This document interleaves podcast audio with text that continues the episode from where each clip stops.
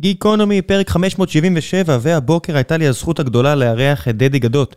דדי הוא דירקטור במחלקת ההנדסה של מטא, מה שהיה בעבר פייסבוק, ואחד מהמובילים של כל נושא ה computer vision בחברה, שמתחבר לשאיפה שלהם לשנות את העולם. בכל מה שקשור ל-Virtual Reality ו-Augmented Reality, אז דיברנו הרבה על השימושים האפליקטיביים של הטכנולוגיות האלו, ועל הטכנולוגיה ועל האתגרים שבניהול טכנולוגי של עשרות אנשים במקומות האלה, אבל האמת שהיה לי פרק כל כך כיפי, עם בן אדם כל כך מעניין וחד, גם בגלל שסטינו. לדברים שמאוד מעניינים את אה, דדי, ושזה השימושים ב-VR, והוא לא דיבר באופן תיאורטי, כי דדי שהיה אה, נווט קרב בעברו, בצה"ל, מאוד מאוד אוהב טיסה.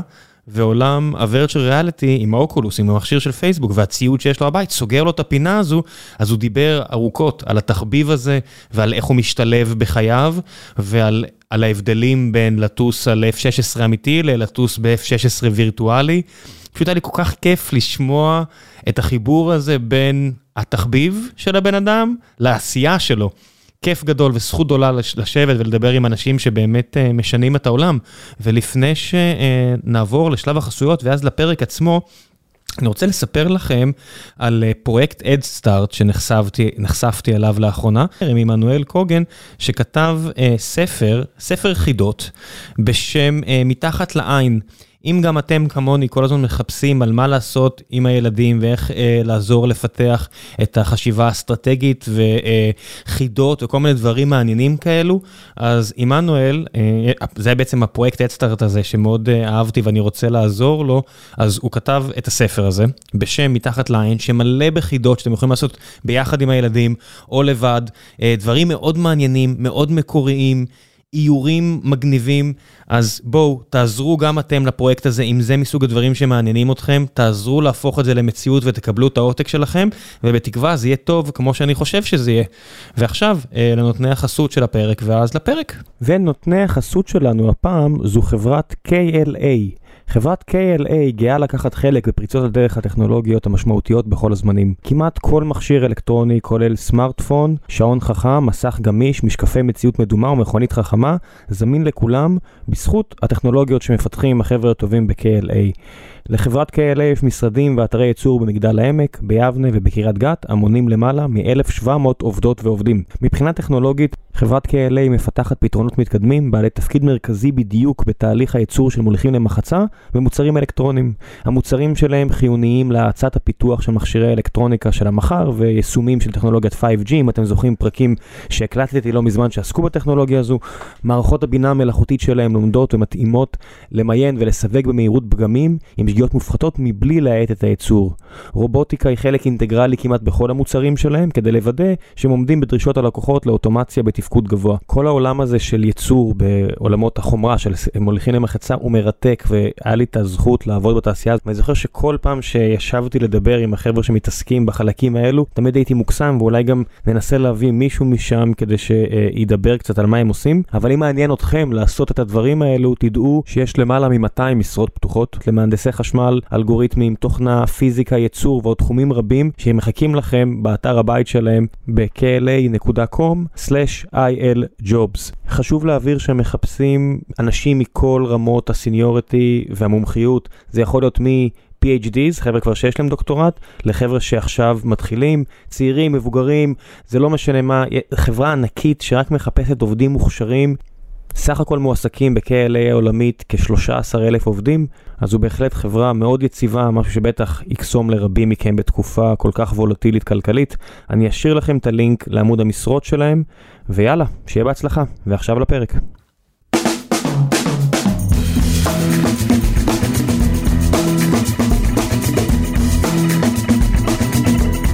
גיקונומי, פרק 577, והבוקר יש לי הזכות לארח את דדי גדות, דירקטור of engineering במטא, ישראל, אירופה, העולם, אתם בכלל יש אצלכם הבדלים? אה, נראה לי שכן, מטא ישראל, בוא נקרא לזה ככה. מטא ישראל? מטא ישראל היא ישות מופרדת ממטא אירופה? ישות משל עצמה, כן. אבל אתם עובדים, על הפרויקט הזה ספציפי שלך, אתם עובדים בכל העולם, לא? נכון, לגמרי לגמרי. תכף נדבר על זה, הקבוצה שלי היא פזורה בשמונה אתרים בכל העולם. זה היה אופורטוניסטי, ההצטרפות שלכם? זאת אומרת, אני מניח שבגלל שהכרתי חלק מהחבר'ה שעבדו איתך במג'יק ליפ, והם דיברו איתי על הלבטים שלהם, וכל מיני חבר'ה מחברות מתחרות ניסו לבקש ממני שאני אשפיע על חלק מהחבר'ה שהצטרפו אליהם ולא איתכם. עד כמה זה אופורטוניסטי מצד מטא? אתה יודע שאני איש פיתוח, אני לא איש business בכלל, מעולם לא עסקתי ב business. ובאמצע הסגר הראשון, מג'יק ליפ החליטה שהיא נפרדת מ-50% מכוח האדם שלה וכמעט סוגרת לחלוטין את ה site הישראלי. ואני נאלצתי להיות businessman בסיטואציה הזאת ולקחת קבוצה של עובדים יחד איתי.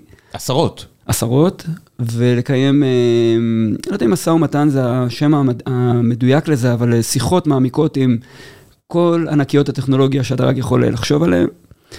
ולנהל תהליך מאוד מאוד קצר בזמן, אתה יכול להעריך את הלחץ ואת ה... לא, אני לא מגזים, אני חושב שחלק מהאנשים שדיברו איתך, דיברו איתי כדי שאני אשפיע על חלק מהחבר'ה שלך. מעולה. בלי לציין פה שמות, אבל אני די בטוח שאנחנו מדברים על אותם אנשים. ואני חושב שכשהכנתי את עצמי לתהליך, אז קצת דיברתי עם אנשים אחרים שעשו תהליכים דומים לפני ימי הקורונה, הם אמרו לי, תתארגן לחצי שנה. כשכזה דבר קורה, חצי שנה לוקח לך לסגור את, ה, את כמות הפידים, את כמות ההדקאונט שאתה צריך בחברות הגדולות, ולסגור את כל המהלך. ואני הצבתי לחברות הגדולות חודש. אם הם רוצים, עם הקבוצה שלנו, יש לכם חודש, לנהל שיחה מאוד מאוד מעמיקה ורצינית. והיו הרבה אופציות על השולחן, ובחרנו את מטא לא, מ... לא מתוך אילוץ, או לא מתוך ברירה אחרונה או משהו כזה, מתוך הבחירה הראשונה ברשימה שהייתה לנו. איך בוחרים בין אה, לשנות את עולם ה-VR, לבין לעבוד עם חברה שעושה Augmented Reality, שזה יותר קרוב, בוא נגיד, למה שעשיתם עם Magic Leap, לבין לעשות אוטונומוס קאר, לבין לעשות whatever שעליבאבא רצו להציע לכם, וכו' וכו'? אני יכול להגיד לך שזו הייתה החלטה באמת קשה, כי יש המון המון דברים מדהימים לעשות בתעשייה הישראלית, מדהימים ובלתי נתפסים. מה שהכי הכי הכי השפיע עליי ברמה האישית, אני יודע שזה קצת נשמע נדוש, זה תהליך הרעיונות במטא, מה שנקרא פייסבוק בזמנו. כל אחד ואחד מהאנשים שפגשתי, גם היה מהנחמדים ביותר שפגשתי, וגם מהאיכותיים ביותר שפגשתי. וכל אחד ואחד מהם יכלתי להגיד לעצמי, בואנה, יש לי אינסוף מה ללמוד ממנו, אבל באמת, לא סתם ככזאת קלישאה או משהו כזה. ממש הייתי בצומת, צומת דרכים שבה הייתי צריך לבחור החלטה קשה ומאוד מאוד ברורה לגבי הקריירה שלי, והרבה אנשים נוספים שבאו איתי להרפתקה הבאה. ותהליך הרעיונות מאוד מאוד מאוד השפיע עליי, מאוד. אני חושב ש... אתה יודע, שעושים, כששחקן יוצא מהקולג' ומגיע ל-NBA, אז כל הקבוצות מנסות לעשות לו כזה good time ולהראות לו מה הפוטנציאל של העיר ומה הפוטנציאל של המועדון, ומביאים כוכבי עבר. אני מניח שמטא יכולים להביא חבר'ה כמו ג'ון קרמק וכל מיני חבר'ה כאלה שידברו איתך ויספרו לך על החזון שלהם? איך זה מרגיש? זה נכון. קודם כל, באמת, ג'ון קרמק וגם אחרים דיברו, אומנם אחרי תהליך הראיונות. זאת אומרת, מטא לא, התהליך הראיונות הוא מאוד מאוד strict, הוא מאוד מאוד נקי. סטנדרטי. אני לא בטוח, אני חושב שהוא אפילו יותר strict ממה שאני הייתי מצפה. אנשים שבכלל בלי skin in the game, שבכלל לא קשורים למאמץ שלי, מראיינים אותי, וצריכים לתת חוות דעת נקייה וברורה וקרה לצורך העניין, בלי שהם אפילו חלק מ Reality Labs, או אפילו מאוד מאוד מתעניינים במה שאני הולך לעשות. לאחר תהליך הראיונות, כשכבר, מי שכבר עבר ועכשיו צריך sales calls או דברים כאלה, אז לכן יצא לי לדבר עם אנשים מאוד מאוד מעניינים. ג'ון קרמק הוא אחד מהם, הוא פשוט... אה, החדות של המסרים שלו, לפעמים קצת טיפה לוקח זמן לעכל אותם, כי החדים, המסרים שלו מאוד מאוד חדים, אבל החדות גם כן היה משהו מדהים, שגם ממנו חשבתי שיש לו המון המון מה ללמוד. כן, אז ג'ון... ומאז אנחנו עובדים ביחד. למי שלא מכיר, ג'ון קרמק, אחד מה-OG's של תעשיית המשחקים, עשה כמה מהמנועים הגרפיים היותר מתקדמים בעולם, שאני תמיד טוען, תמיד שיש איזה טיעונים של שלטון ריכוזי, שאנשים אומרים, למה אנשים עובדים על משחקים ולא על לרפא את העולם מסרטן? אני אומר, בסוף, שהבחור הזה בנה מנועים גרפיים, וזה הכריח לדחוק את NVIDIA לקצה כדי לעשות GPUs יותר טובים, ו-NVIDIA עשו GPUs יותר טובים, ואז מישהו, כמה חוקרים אמרו, בוא נעשה עם זה בשביל, לא יודע, מה face recognition, והעולם השתנה לגמרי. בסוף אני אומר, צריך לתת גם לדברים פשוט לקרות, אנשים חכמים ימצאו בעיות מספיק מעניינות, אבל אותו ג'ון קרמק מדבר היום, מעבר ל-VR, מדבר על General Artificial Intelligence, מדבר על הרבה מאוד דברים שאנשים לא בטוח מקשרים לאוקולוס.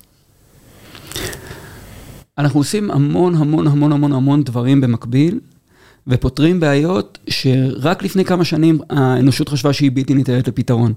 שזה מה שכל כך מדהים בעידן שאנחנו נמצאים היום. הקצב של הטכנולוגיה הוא כבר כזה שעשר שנים אחרי, אתה פותר בעיות שלפני עשר שנים חשבת שהן לעולם לא ניתן יהיה לפתור אותן. תן דוגמה. אחת הבעיות זה המתרגם האוניברסלי, לא יודע אם ראית את זה, זה עוד בימי סטארטרק העליזים. ימי Babel fish ו...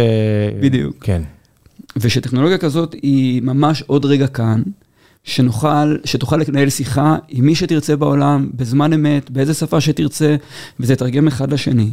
אז כמובן שניצנים של טכנולוגיה כזאת היו גם לפני עשר שנים וגם לפני עשרים שנה. אבל את הפרפקשן, את המושלמות שצריך להגיע עם מוצר כדי שדבר כזה יעבוד ב-100 אחוז, זה, אני לא חושב שמישהו חשב שזה יגיע כל כך מהר לאנושות, וזה עוד רגע כאן. גם, גם אה, VR, נינטנדו הוציאו את הגיימבוי red, ולא יודע איך זה נקרא, באמצע שנות ה-90, בסדר, זה היה, אבל יש איזושהי רמה של execution, uh, שאם אתה לא חוצה אותה, זה לא יכול להיות uh, בשימוש uh, נרחב מדי. אפל הוכיחה את זה, אתה יודע, בסופו של דבר, היו, כל דבר שאפל עשו, כמעט, היה משהו לפני, שפשוט לא מספיק טוב. ויש רמה מסוימת של ליטוש, שאם אתה לא עובר אותה, אתה לא תנצח. זה לא יהיה adoption, כי אתה מחנך שוק. אתה יודע, אני אספר לך משהו אישי, משהו מעניין.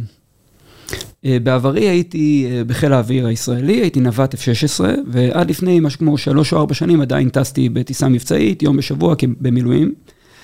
ואתה יודע, טיסה זה כמו, זה חיידק, זה, כשזה יש לך את זה, אתה חולם על זה בלילות, אתה חושב על זה המון, זה משהו שלא עוזב אותך, לא משנה מה, ברגע שהתאהבת במקצוע. ולפני משהו כמו שלוש שנים, קצת טיפה יותר הפסקתי לטוס, ומאז אני חושב על זה. וזה נורא חסר לי, עד שחוויתי אמ, סימולטור טיסה מבצעי באוקולוס, בקווסט, ב-VR. רגע, אבל אתם בחיל האוויר, יש, יש סימולטורים די טובים בכל מיני מקומות לא רחוקים מכאן, שהם יותר טובים מהאוקולוס. חווית סימולטור טיסה?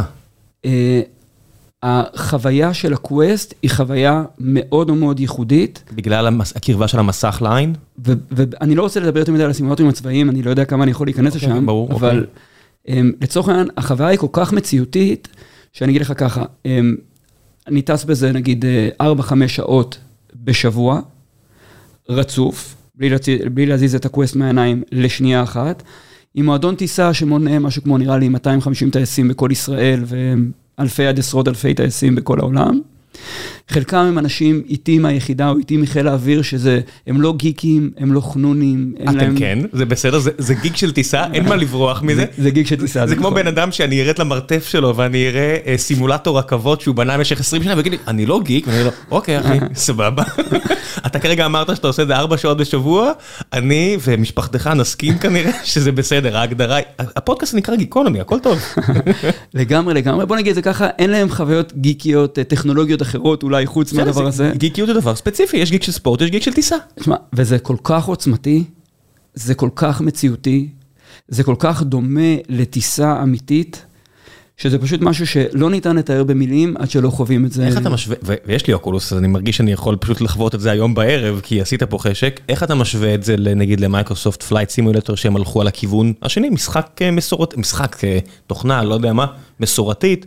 אה, לא חוויית VR, אבל חוויה מאוד מדויקת, נקרא לזה. כן, קודם כל אני חושב שב Flight Simulator גם כן אפשר להשתמש ב-VR וגם כן אפשר להשתמש ב Quest, וגם בסימולטור שאני משתמש בו, שקוראים לו DCS, גם בו אפשר להשתמש או ב Quest או okay. אוקיי. ב-PC רגיל. אה, אני יכול להגיד לך שעם VR או בלי VR, ההבדל הוא בדיוק כזה. בלי VR זה משחק מחשב, משחק מדהים, משחק אה, מאוד מורכב, עם הרבה כפתורים ושעונים שמדמים טיסה. עם VR זה טיסה, זה לא משחק מחשב. זה תפס אותך לפני? אתה שיחקת לפני גם? לפני VR מעט מאוד בסימולטורים. אוקיי, אז ו... הנה הדוגמה, כי בן אדם שיש לו את הג'וק, כבן אדם שטיסה היא חלק משמעותי מחייו, וזה לא היה מספיק טוב עבורך. זה אפילו לא היה קרוב למספיק טוב, כי זה ממש היה פשוט משחק, ומשחקים יש משחקים הרבה יותר טובים. אם אני כבר רוצה לשחק במשחקים, לא בזה אני אשחק. אבל עם VR על העיניים, ההקצוץ של הפחד שאתה מרגיש בגוף כשאתה כמעט מתרסק באדמה, כשאתה טס מאוד מאוד נמוך, או מול קרבות אוויר, מול מטוסים אחרים, או כל דבר כזה, ההקצוץ נמצא שם גם כשאתה טס עם VR. אתה מרגיש את אותו הקצוץ, את אותו חשש ממה יקרה אם אתה לא תשים תשומת לב בחצי שנייה הקרובה ומה יכול לקרות. זה כל כך אה, מציאותי ואמיתי, שזה כל ההבדל. זה הפער? זאת אומרת, אם אני אשאל אותך מה ההבדל, לא ההבדל הטכנולוגי, לא קרבה של... Uh... מסך לד כזה או אחר לעין או דברים כאלה, הקיר, בסוף ההבדל הוא ההקצוץ? בוא נ... באופן כללי, החוויה. כן, בוא, בוא ניקח את זה עכשיו צעד אחד קדימה בשיחה שלנו, ודווקא ניקח את זה דווקא לעולמות של המטאוורס, ואני אנסה להסביר את זה בדוגמה כזאת. כשאנחנו יושבים ביחד בפגישה, עכשיו אני ואתה, מה אתה מרגיש עכשיו ביחד, אתה מרגיש, ומה אני מרגיש, את תחושת הנוכחות המלאה כשאנחנו יושבים באותו חדר ביחד, נכון? נוכחות מלאה, אני לא, יכול, לפתוח, אני לא יכול לפתוח אותה כשאני מסתכל עליך עכשיו בעיניים. בדיוק, ואני רואה את התווי פנים שלך ואת הבעות פנים הקטנות, כן. ואני uh, חווה חוויה רגשית מאוד מאוד מעמיקה. כן, אני יכול לסמן לך דברים וכאלה, אנחנו יכולים לנהל שיחה בכמה רבדים. בדיוק. כשאתה מתחבר בזום לפגישת עבודה מרחוק, בוא נניח לרגע שרק אתה מתחבר בזום וכל השאר נמצאים בחדר ביחד. כמה אתה מרגיש מנותק וחסר אותו, אותו תחושת נוכחות? פי אינסוף. חוויה נכון? אחרת לגמרי. אתה אפילו מדבר פחות בצורה, הייתי אומר אפילו, לדעתי יש על זה מחקרים אפילו 80 אחוז פחות אתה מדבר, אם אתה היחידי שמצטרף ברימוט, לעומת אם היית נמצא באותו חדר. כי חסרה התחושה הזאת, תחושת הנוכחות, תחושת הפרזנס האמיתית, שהמוח שלך מרגיש נוכח עם מישהו אחר. כנ"ל שם. בסימולטור טיסה הזה, יש את תחושת הטיסה האמיתית, עם כמעט לשמוע את האוויר באוזניים, להרגיש את הרעשים של המנוע, להרגיש את הרעידות של המטוס, להרגיש את זה כשאתה, כשאתה אימרס לחלוטין, לחלוטין, לחלוטין בתוך החוויה, זה משהו אחד. ומשהו אחר זה מסך מחשב מולך, דו-ממד, מסך אולי מאוד גדול, אולי מאוד איכותי, אגב, גם הגרפיקה אפילו היא יותר איכותית כשאתה רואה את זה על 4K על המסך מחשב שלך. זה בפער עצום. אבל החוויה היא לא חוויית טיסה. זה פשוט לא אותו דבר. ולכן אף אחד, נגיד מאיתנו, אנשי חיל האוויר שהיום משחקים אה, בסימולטור הזה או טסים בו, אף אחד מאיתנו לא בוחר את אופציית ה-PC. כי זה פשוט לא אותו דבר, זה פשוט לא טיסה.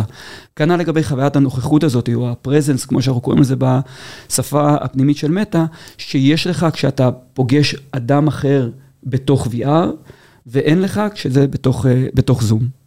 אני, אני יכול שנייה, אני רוצה לחזור אחורה, אתם, משהו שנפל לי האסימון, אתם משחקים משחק טיסה אזרחי. למה? זה אה, סימולטור של F-16. אוקיי. אנחנו טסים, או F-15, או סוחוי, או מיג, או מסוקים, אפאצ'י, זה משחק קרבי. זה לא משחק קרבי, אוקיי. אז נכון.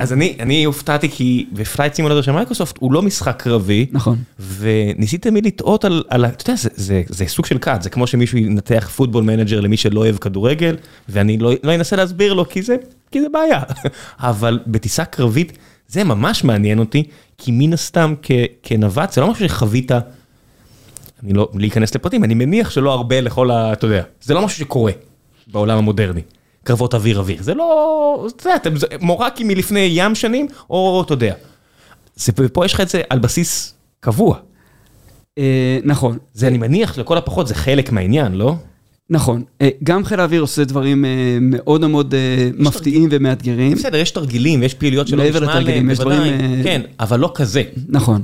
פה אתה חווה את האקסטרים שניתן לחוות בטיסה קרבית, בכל טיסה וטיסה שאנחנו עושים בדבר הזה. לפעמים אנחנו עושים אימונים קצת יותר פשוטים בשביל ה fun, גם בשביל עצמנו, רק בשביל ה fun, אבל לרוב אנחנו עושים את האימונים הכי הכי הכי הכי מורכבים. אתה יודע, לפני uh, הרבה שנים טסתי במשהו שנקרא רד uh, פלג, במשהו שדומה לרד פלג. רד פלג זה uh, טיסת האימון הכי הכי הכי גדולה שיש לחיל האוויר האמריקאי. מה שאנחנו עושים כאן... זה מאות כלי אוויר וכל מיני דברים כאלה. נכון. כאן אנחנו טסים, נגיד טסנו לפני כמה חודשים, 150 טייסים ביחד ב-VR מכל אירופה, מאיטליה, משוודיה, מאנגליה, מישראל. וכולם טייסים או חלק... כולם, אה, כולם, חלקם אנתוזיאסט, כאילו אנשים שרק אוהבים טיסה ונכנסו לעולם הטיסה דרך זה, כולם עם VR, טסים ביחד. יש לי חבר שעובד איתי במטא, שהוא טייס F-18, הוא התחבר מסן פרנסיסקו, אני התחברתי מתל אביב, והוא טס עליי מבנה הכי הכי הכי קרוב שרק ניתן, הוא בסן פרנסיסקו ו- ואני מתל אביב. תוך כדי, אה, עשינו גם שיחת זום, תוך כדי הסתכלתי עליו, על, על הבעות הפנים שלו, על, על הפליאה. כשהוא חווה את זה שהוא מסן פרנסיסקו ואני מתל אביב, אנחנו טסים מבנה 20 מטר אחד מהשני בעולם הווירטואלי. והוא טס על F-16, לא על F-18. אה, ספציפית הוא טס על F18, ספציפי. הוא נשאר כאילו על הכלי שהוא מכיר. על הכלי שלו. אבל רגע, אתה משחק בממשק שאני מכיר של Oculus? זה, זה Oculus דרך לינק שמחובר ל-PC. כלומר, יש PC שמרנדר את המשחק, את הגרפיקה של המשחק, יש stick, stick? ו... אוקיי, stick אוקיי, ומצערת אוקיי, אמיתיים אוקיי. שמחזיקים. אוקיי, זה מה שהיה חסר לי פה, כי, כי זה לא שאתה משחק עם, עם הג'ויסטיק של Oculus, אתה משחק עם ציוד אה, אמיתי. נכון, הדבר היחידי שהוא אמיתי זה הסטיק והמצערת, שאותם אני ממש מחזיק פיזית בידיים שלי, עם כל הכפתורים, הכי הכי הכי מדמה, מושב? הכי דומה ל-F16 שרק ניתן. ספה או מושב? אה, כיסא. זה מפריע לך? זה, זה, כי בסופו של דבר, עשר שנים מהיום, אתה או מישהו אחר יישב פה ויגיד לי, תקשיב, עד שלא הוספנו את הריח, עד שלא הוספנו את המושב, זה לא היה זה. אתה יודע, הרבה אנשים מדברים על חוויית ה-G שחסר את חוויית ה-G ואת הלחץ על הגוף. הרבה אנשים מדברים, אוקיי, הרבה אנשים, אני לא יודע מי זה הרבה אנשים שאתה מכיר, אני לא מכיר אנשים שמדברים, בסדר. הרבה מחבריי. זה בסדר. אתה יודע, G זה משהו שכואב, כשאין אותו זה לא מפריע לחוויית הטיסה, זה לא מרגיש לי פחות כיף. אתה מבין שאני לא חוויתי את זה בחיים שלי, אז אתה מבין, אתה מתקשר במשהו שלא, הרוב המוחלט של המאזינים לא חווה את זה. אני חושב שכשאתה פונה באוטו, נגיד באיילון, את הפנייה הכי חדה שאתה יכול, אתה מרגיש נגיד 1.1 או 1.2 GCD. ואתה 4.5. בטיסה מגיעים עד 9G. 9. ואני חושב שאני אישית, זה עד 9.2 באחד הפעמים שהפרתי מגבלות.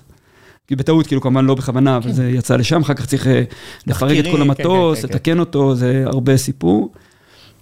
איך זה מרגיש? זה לזה. מאוד מאוד כואב כשלא רגילים. כואב מה? פיזית, כואב. מה כואב? בעצמות, אתה פשוט מרגיש פי עשר, שוקל פי עשר יותר ממה שאתה באמת שוקל. הצוואר כואב, הראש מתעוות, זה מאוד מאוד כואב, אבל לאט לאט מתרגלים וזה נהיה נון אישו בכלל. אז אתה יכול לראות פורמולה 1 ולהזדהות איתם. כאילו, אתה מבין את הלחצים הפיזיולוגיים שהם חווים. לגמרי, אבל לדעתי שם זה גם כן, זה עד 2.5, 3G אני חושב, משהו כזה. בטיסה קרבית זה מגיע עד 9 וזה משהו אחר לגמרי. כשאתה חווה את החוויה הזו כמי שהמוח שלו אולי משלים חלק עם עבר, עם זיכרון, לעומת חבר'ה שהם סתם אינתוזיאסט ואף פעם לא נכנסו לקוקפיט של F-16, F-18, אתה חושב שיש הבדל בחוויה? כי חלק מה... אצלך זה השלמה גם? אני יכול להגיד שהקהילה שאיתה אני טס ביחד, רובה המכריע הם לא טייסי חיל האוויר. הם מאוהבים בטיסה, בהקצנה אפילו הרבה יותר ממני, הם מכירים... פוסטרים כטינאייג'רים של מטוסי קרב בחדר. הלכנו לראות ביחד את Top Gun 2 עכשיו שיצא ביחד, המועדון טיסה ביחד. התרגשנו עד דמעות מכל ניואנס. שבועיים אחר כך טסנו, אז תכננו לעצמנו טיסת Top Gun 2 בסימולטור של עצמנו כדי לחוות את אותה חוויה. זה משהו מאוד מאוד מיוחד. איך זה להיכנס אה, לכלי טייס של צבא יריב, שאתה רק מכיר אותו משיעורים, ורק מכיר אותו מתדרוכים? בלתי נתפס וחווייתי מאוד מאוד מאוד מאוד מאוד, וגורם לך, כמו שאתה אומר, להבין הרבה דברים שלפני זה הם היו רק, ב... רק סיפורים מבחינתך, ועכשיו אתה ממש חווה אותם, ממש ממש. עד כמה זה מדויק? זאת אומרת, אני, הסוחוי וכאלה, זה, הרי זה לא דברים, אני לא מדבר פה על חיל האוויר, אני מדבר פה עכשיו על משחק. יש מפתחת משחק.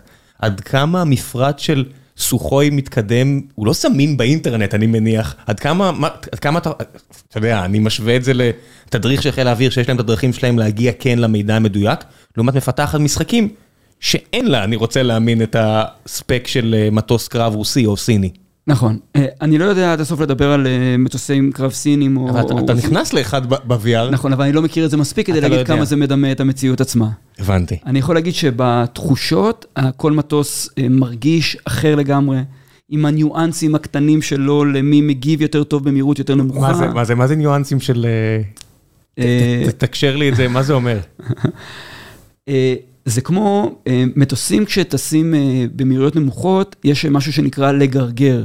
לגרגר זה רעשים קטנטנים שאתה שומע מהאוויר, איכשהו זורם עכשיו על הכנפיים, ותזוזות קטנות כמה, איך הסטיק משפיע על האף של המטוס. רגע, רגע, אני מצטער, אני מצטער שזה הופך לפרק הזה, אבל יש לנו מספיק זמן לחזור גם לדברים שלך.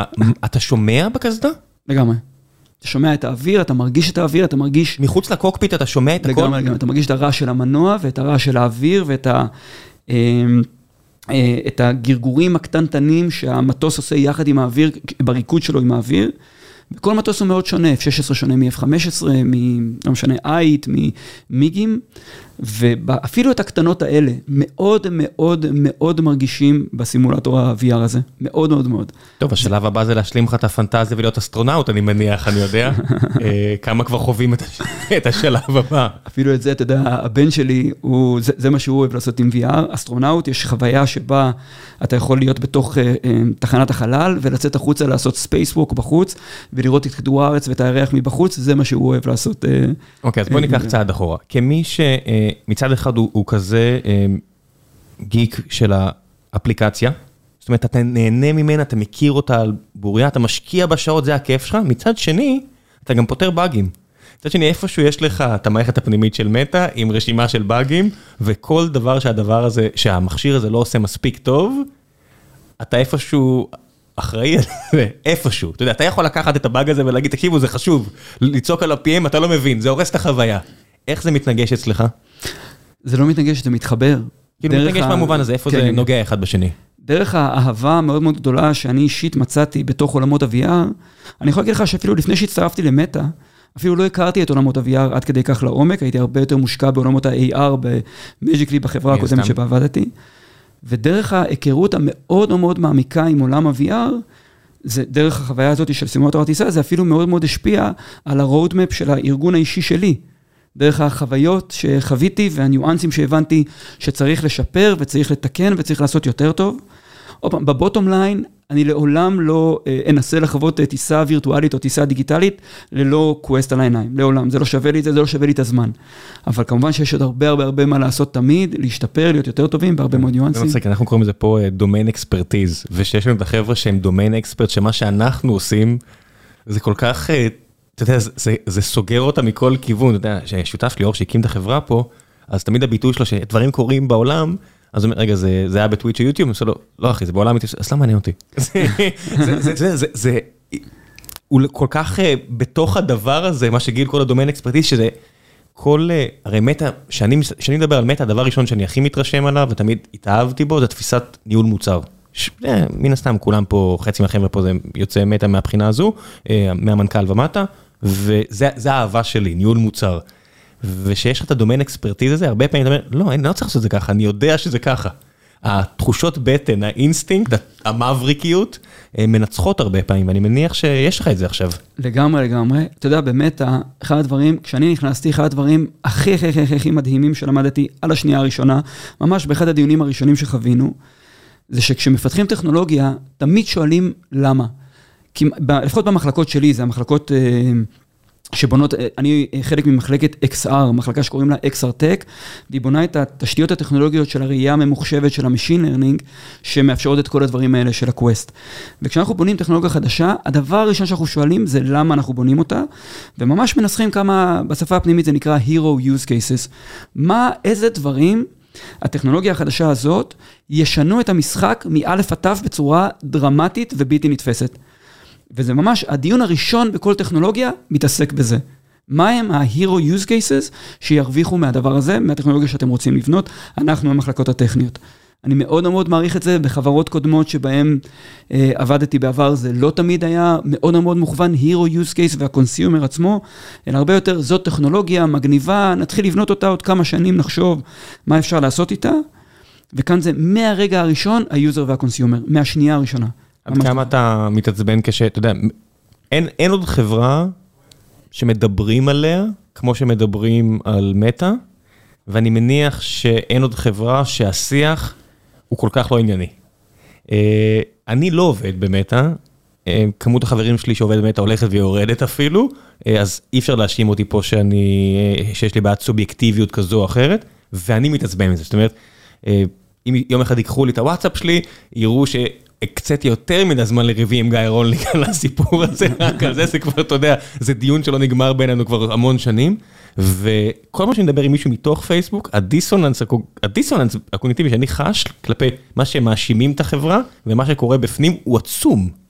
עד כמה זה מתסכל להיות כעובד החברה בשלב הזה? אתה יודע, מהקריירה הקודמת שלי בחיל האוויר, מה שסיפרתי לך מקודם, כל פעם שהייתי קורא אה, כתבה בעיתונות, או רואה כתבה בטלוויזיה לגבי משהו שהכרתי לעומק, מאוד מאוד לעומק מה קרה, בגדול זה היה 180 מעלות הפוך, והניואנסים שהדגישו הם היו אה, ברובם לא נכונים, בחלקם לא ענייניים ולא רלוונטיים. והיה את אותו דיסוננס, אה, אפילו בחיל האוויר שלנו, שכולם מאוד מאוד מעריכים, והוא חלק גדול מהפתוס הישראלי, אפילו שם הקשר בין אה, מה שבחרו להדגיש מבחוץ לעומת אה, מה שהיה האמת, היה מקרי לחלוטין לחלוטין. כאן במטא, הרגשתי את זה וחשבתי שזה ככה לפני שהצטרפתי לחברה. היום כשאני יודע את כל הניואנסים מבפנים, זה כמו שתי מציאויות אלטרנטיביות לחלוטין.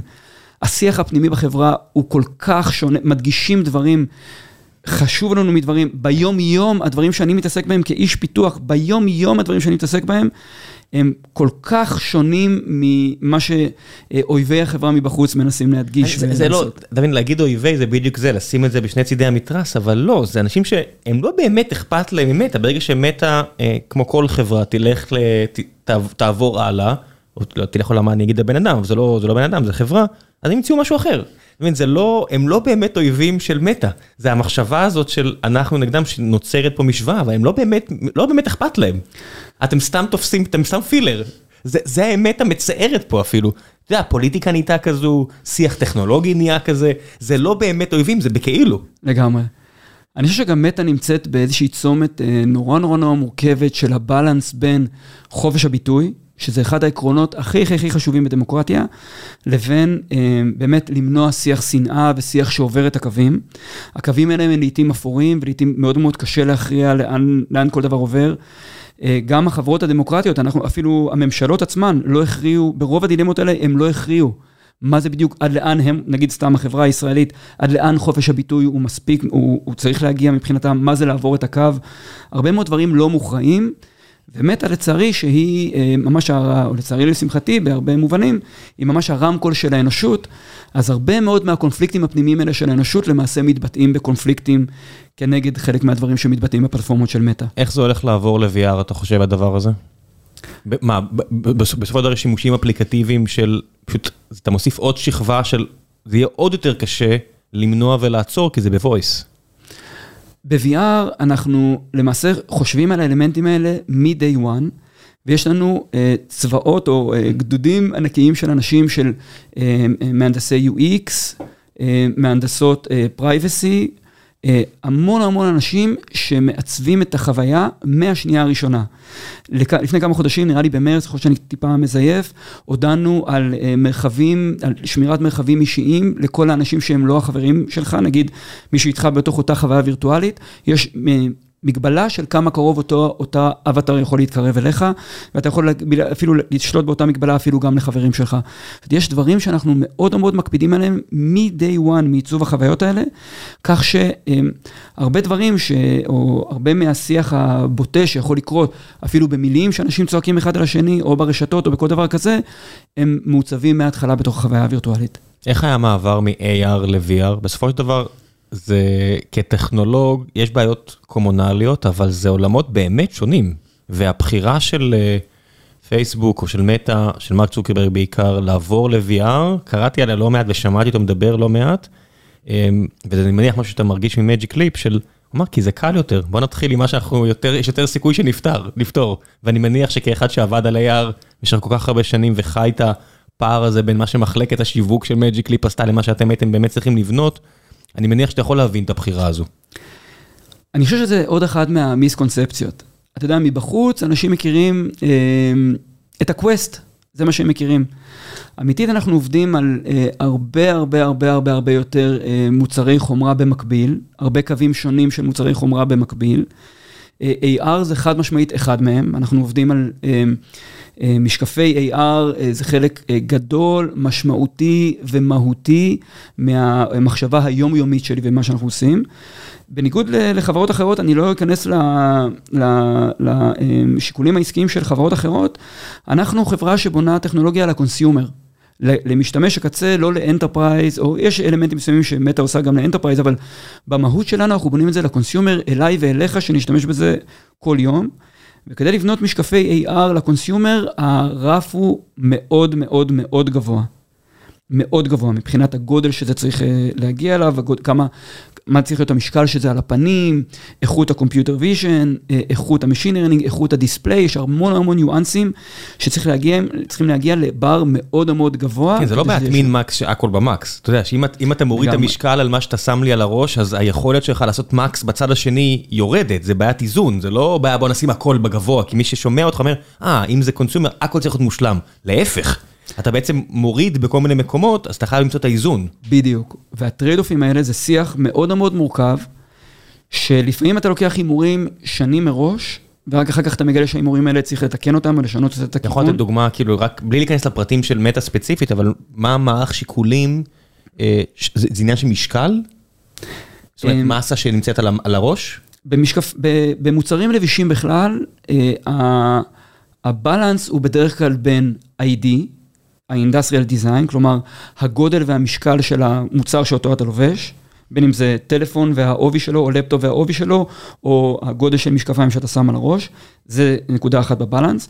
נקודה שנייה זה thermal ופאוור, כמה ככל שהמוצר דורש יותר פאוור ומייצר יותר חום, הוא צריך גם כן להיות יותר גדול, כדי שיש, הדיסיפציה של החום לא תיגע לך בעור ולא תשרוף אותך ממש. אז זה, כאילו, ככל שאתה דורש יותר פאוור, אתה צריך שהמשקפיים יהיו יותר גדולות, כדי שהחום יוקטן בדרכים טבעיות. אתה לא רוצה לגרום לקביעה לאף אחד, אתה לא נכון. רוצה לגרום לאי נעימות. והאלמנט השלישי זה בסוף הפיצ'ר סט עצמו. נכון. יש גם בורד דיזיין, דברים שאני זוכר מסתם הנסת חשמל רגילה, שבסוף אני צריך לסדר את הדברים האלה במובן של שיצא אוויר, ייכנס אוויר, שלא ישפיע אחד על השני, כל הדברים האלו. לגמרי, לגמרי, לגמרי, לגמרי. גם כאן באמת הישראל... זה כל כך שונה מבורד דיזיין שאני מכיר, כאילו, אני מניח, מדברים מסורתיים. גם כאן באמת הישראל יש אה, אה, אה, הרבה מאוד אנשים, מהנדסים ומהנדסות, שעובדים על סיליקון, אנחנו עושים את זה גם כאן בארץ. ואני, עוד פעם, המחלקה האישית שלי זה מחלקה של ראייה ממוחשבת, ויש לנו סינרגיה מאוד מאוד גדולה עם אנשי הסיליקון, כך שנוכל לאפטם את הדברים האלה ביחד. הדבר הכי הכי הכי גרוע בחברות גדולות, הדבר הכי גרוע שיכול לקרות זה סיילוז. כל, אתה יודע, נגיד אה, התוכנה בנפרד והחומרה בנפרד, ולא מצליחים למצוא שפה משותפת.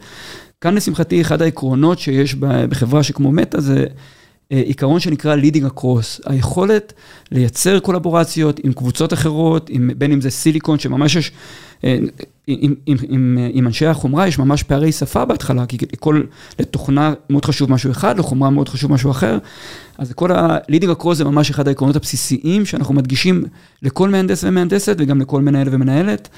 ולכן אנחנו מצליחים לשבור את הסיילואים האלה בצורה יחסית אורגנית ומאוד מאוד טובה. איך זה לעבוד על, אה, בסוף על מוצר שהחתיכת סיליקון שאולי תשרת אותו עדיין לא נוצרה? זאת אומרת, בסופו של דבר, כשאתה עובד על אה, אייפון חדש, הרבה פעמים הוא לא כל כך הרבה שנים in the making, זאת אומרת, אתה לא עובד על משהו חמש שנים קדימה, זה מאוד שונה מה שאתה עושה, ועד כמה נוצרים פה אילוצים טכנולוגיים שהם נוראים. לגמרי, המון המון המון אילוצים, שדורשים המון המון המון יצירתיות. אה, בתוך החברה כדי לפתור אותם. כי סיליקון זה סיליקון ולוקח לו שנים לעבור את, ה, את ה tape-outs השונים ולהגיע לרמת הבשלות ואת ה bring-up אחר כך וכולי. שלבים בייצור סיליקון, בסופו של דבר אתם אה, מייצרים משהו, בודקים אותו על לוחות של ASIC ים, FPGA ים, לא משנה מה, ואז יוצרים אותו למפעל, ובתקווה חוזר לכם חתיכת ריבוע בגודל של משבצת של, אה, לא יודע מה, של מחברת של חשבון, ובתקווה זה יעשה מה שאתה רוצה שהוא יעשה. לגמרי. bring-up זה התהליך שבו אתה בודק שהוא עושה מה שאתה רוצה שהוא יעשה. בדיוק. רגע מרגש ומלחיץ. ואנחנו לא רוצים, אנחנו רוצים לפתח בצורה שהיא לא סקוונציאלית, לא לחכות לכל תהליך הבשלת הסיליקון, ורק אז להתחיל נגיד את פיתוח החוויות או התוכנה. אתה יכול לסמלץ את זה, אתה לא באמת אבל יכול לעשות את זה מקביל. נכון, אבל אה, זה, זה למעשה היצירתיות. היצירתיות זה אה, למצוא מעקפי תוכנה. בין אם אנחנו מתבססים על PC, או בין אם אנחנו מתבססים על עולמות ה-VR, או בין אם אנחנו מתבססים על הרבה, או על הפרוטוטייפים אחרים שאנחנו בונים, שמאפשרים למפתחי האפליקציות ולמפתחי הטכנולוגיות הבסיסיות של ה computer vision להתקדם. ולרוץ כמה שיותר קדימה, גם לפני הסיליקון. אני אספר לך משהו אחד, נגיד, שהוא נורא נורא נורא מעניין. אמ, פיתוח, בוא דווקא ניקח את זה לא לסיליקון של קומפיוט, נגיד כמו מעבדים או DSPs או, או. ASIC אה, מאיצים או כל דבר כזה, בוא ניקח את זה דווקא לסיליקון של אה, סנסורים, של מצלמות חדשות. ניקח לרגע את הדיון לשם. פעם צורת הפיתוח הייתה מאוד מאוד סקוונציאלית, היו מגדירים את הפיקסל, הפיקסל זה החלק בסיליקון שהוא קשור לסנסור עצמו, למצלמה עצמה, מייצרים, זה היה לוקח נגיד שנה וחצי מההתחלה ועד סוף ה tape-out, בונים את המודיול עצמו, שמים את העדשות ושמים את הכל, בונים עכשיו פרוטוטייפ, אז נגיד שנתיים פחות או יותר מהרגע שהחלטת איך אתה רוצה שהפיקסל ייראה, עד שאתה ממש יכול לאסוף דאטה. היום אנחנו משתמשים בדאטה סינתטי.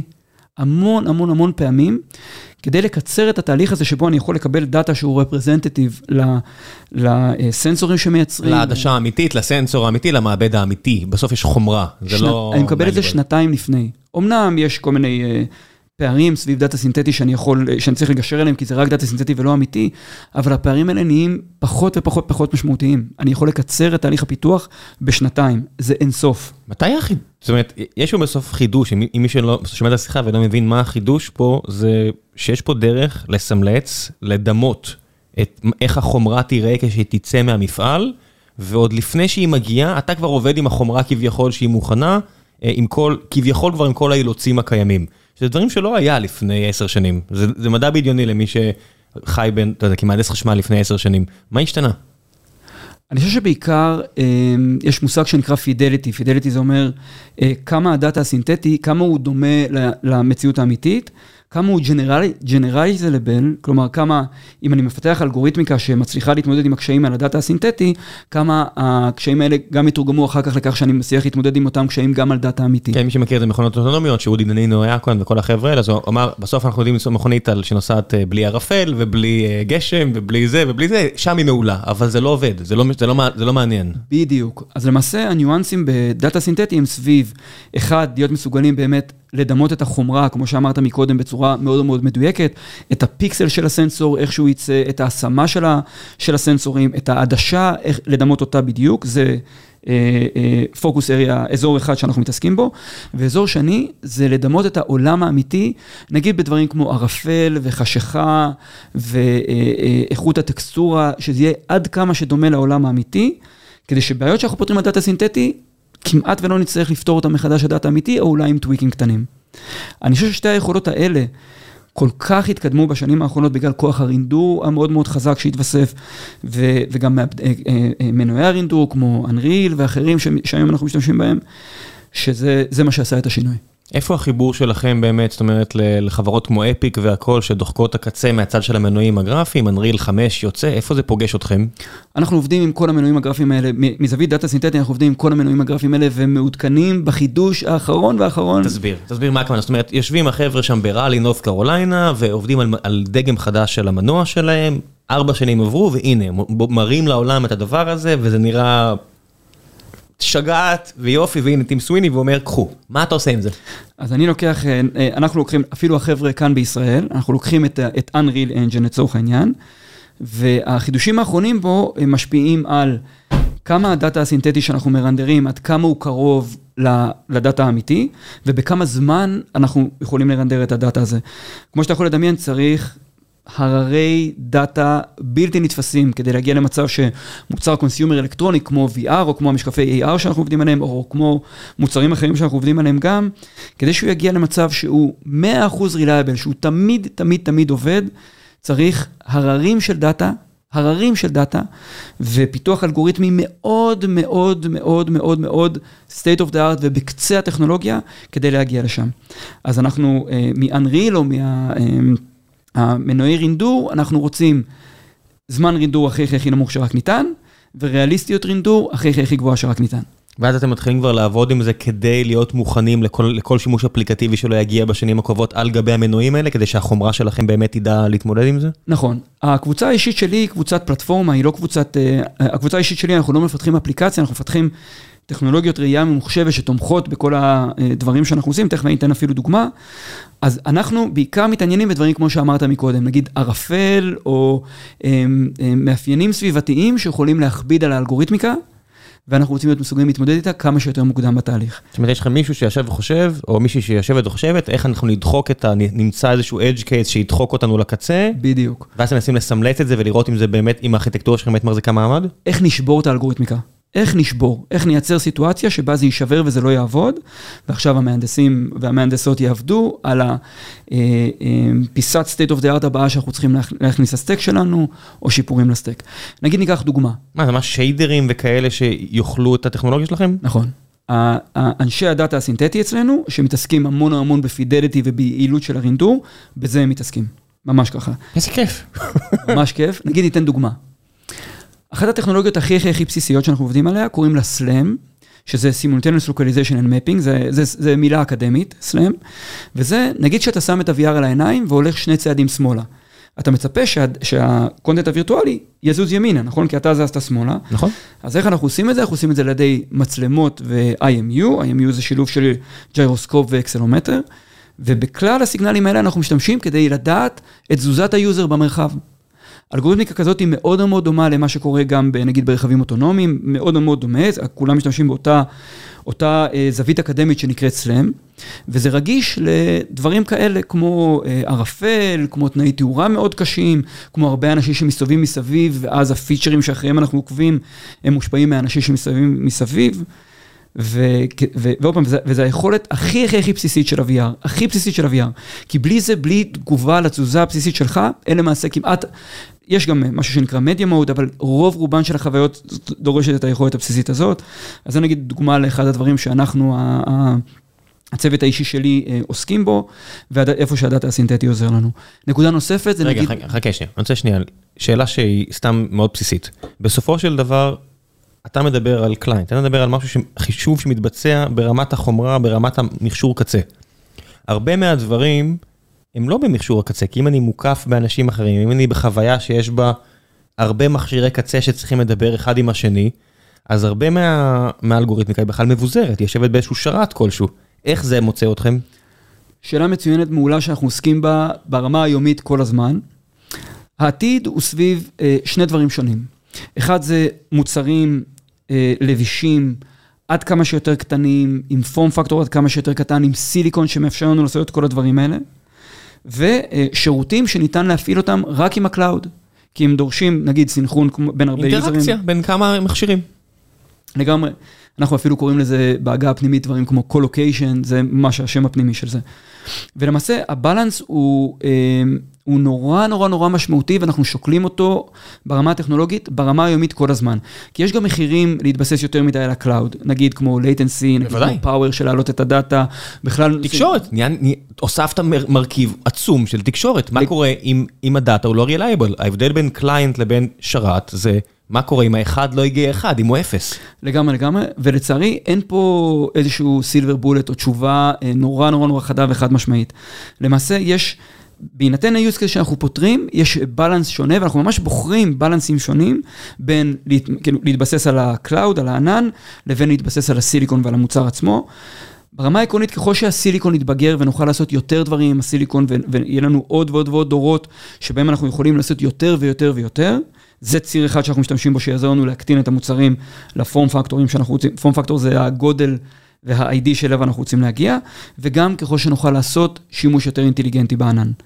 אין בזה סילבר בולט וגם... עד כמה אתה מחצין החוצה? זאת אומרת, אתה כשמייצר בסוף את המכשיר קצה, כמה אתה צריך להחצין החוצה אה, APIים כדי שהוא יוכל באמת להציע שימוש אפליקטיבי מוצלח? המון? נקודה סופר מעניינת. אמ, אנחנו, הארגון שלי, ארגון ה-XR, אנחנו בונים משהו שנקרא The Presence Platform. מה זה The Presence Platform? Presence Platform זה אסופה של APIs, שמאפשרים לך לבנות חוויות ל-VR או ל-AR. ניתן דוגמה, נגיד hand tracking, זה דוגמה אחת. זה היכולת שלך לעשות uh, uh, עם ה-hand או להצביע על דברים מסוימים, זה uh, סט שלם של APIs בתוך ה-presence platform.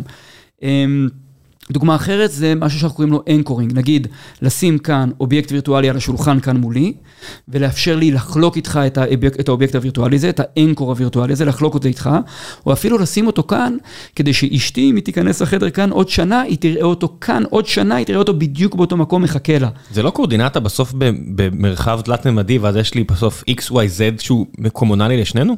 אה, ברמה הבסיסית, הכי הכי הכי פשטני של הדברים לחלוטין כן. ברמת הסיבוכיות, יש כאן את הסיבוכיות האלגוריתמית. אני לא אני לא מתיימר להגיד שזה פשוט, כן, כן. לגמרי, לגמרי. אני מתחיל פשוט מהבסיס, ואז אני מנסה לעלות למה זה מסובך.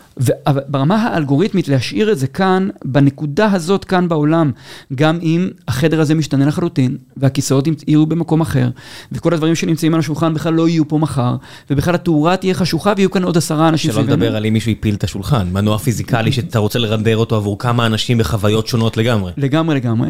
ולכן המורכבות האלגוריתמית סביב הדברים האלה היא יחסית מאוד מאוד גדולה, וכמובן שיש גם את כל הנושא של הפרמישנס, לאפשר, לוודא שרק מי שאתה באמת רוצה שיראה את האנקור הזה, יראה אותו, אחרת הוא יהיה רק שלך, ולא של אף אחד אחר.